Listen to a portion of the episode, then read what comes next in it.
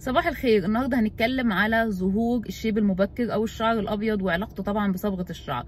أول حاجة هنتكلم هو إيه أنواع الشيب؟ الشيب نوعين. نوع طبيعي بيجي بعد سن ال 30 ونوع اسمه الشيب المبكر ودوت بيجي من منتصف العشرين وبيبقى سببه حاجات كتيرة جدا.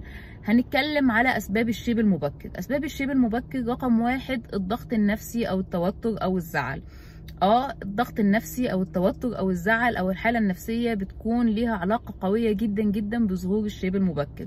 الحاجة التانية نقص الفيتامين وخصوصا فيتامين دي وفيتامين بي 12 الحاجة التالتة هو التهاب في الغدة الدرقية. الحاجة اللي بعد كده التقدم في العمر زي ما جلدنا بيشيخ آه كمان الميلانين اللي هو المسؤول عن الصبغات في الجسم بيشيخ وبيؤدي لظهور الشيب المبكر.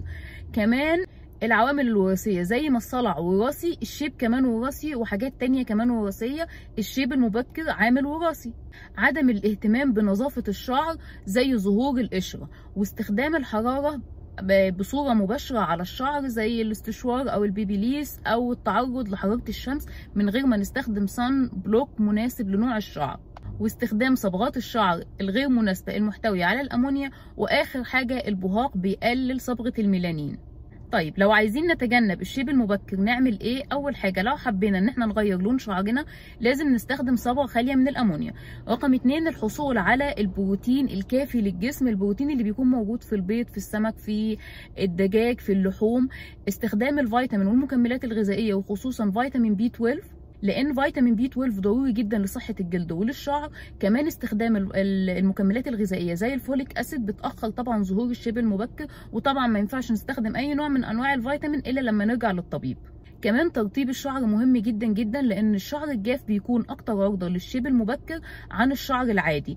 وما ننساش طبعا الزيوت العطرية ليها دور كبير جدا في ظهور الشيب المبكر فنتجنب استخدام الزيوت العطرية بطريقة direct على الشعر. يعني لو عايزين نحط زيت عطري عشان يخلي الشعر ريحته حلوة نتجنب إن إحنا نحطه على طول. لأ لازم نخلطه بأي نوع تاني من الزيوت اللي قوامها خفيف علشان نتجنب ظهور الشيب الأبيض. كمان الكحول الكحول بطريقة مباشرة على الشعر بيؤدي لظهور الشيب الشيب الأبيض. يعني لو عايزين نستخدم البرفانات بتاعة الشعر أو معطرات الشعر ما ينفعش إن إحنا نحطها direct على الشعر.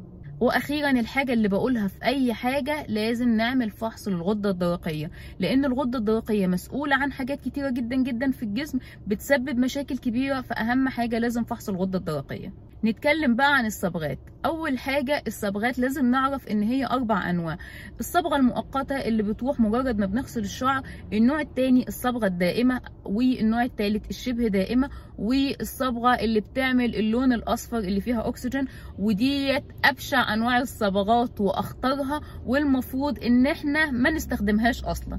فأول حاجة الصبغة الشبه دائمه الصبغة المؤقتة ديت الصبغة اللي أنت بتبقى فيها زي السبراي أو البخاخ أو البودر اللي بتحطيها بس على الشعر وبمجرد ما بتغسليه بتروح النوع الثاني الصبغة الشبه دائمة دي اللي بتقعد ل 28 غسلة تقريبا الصبغة الدائمة اللي بتقعد ل 50 غسلة. الصبغة اللي فيها أكسجين ديت أسوأ أنواع الصبغات.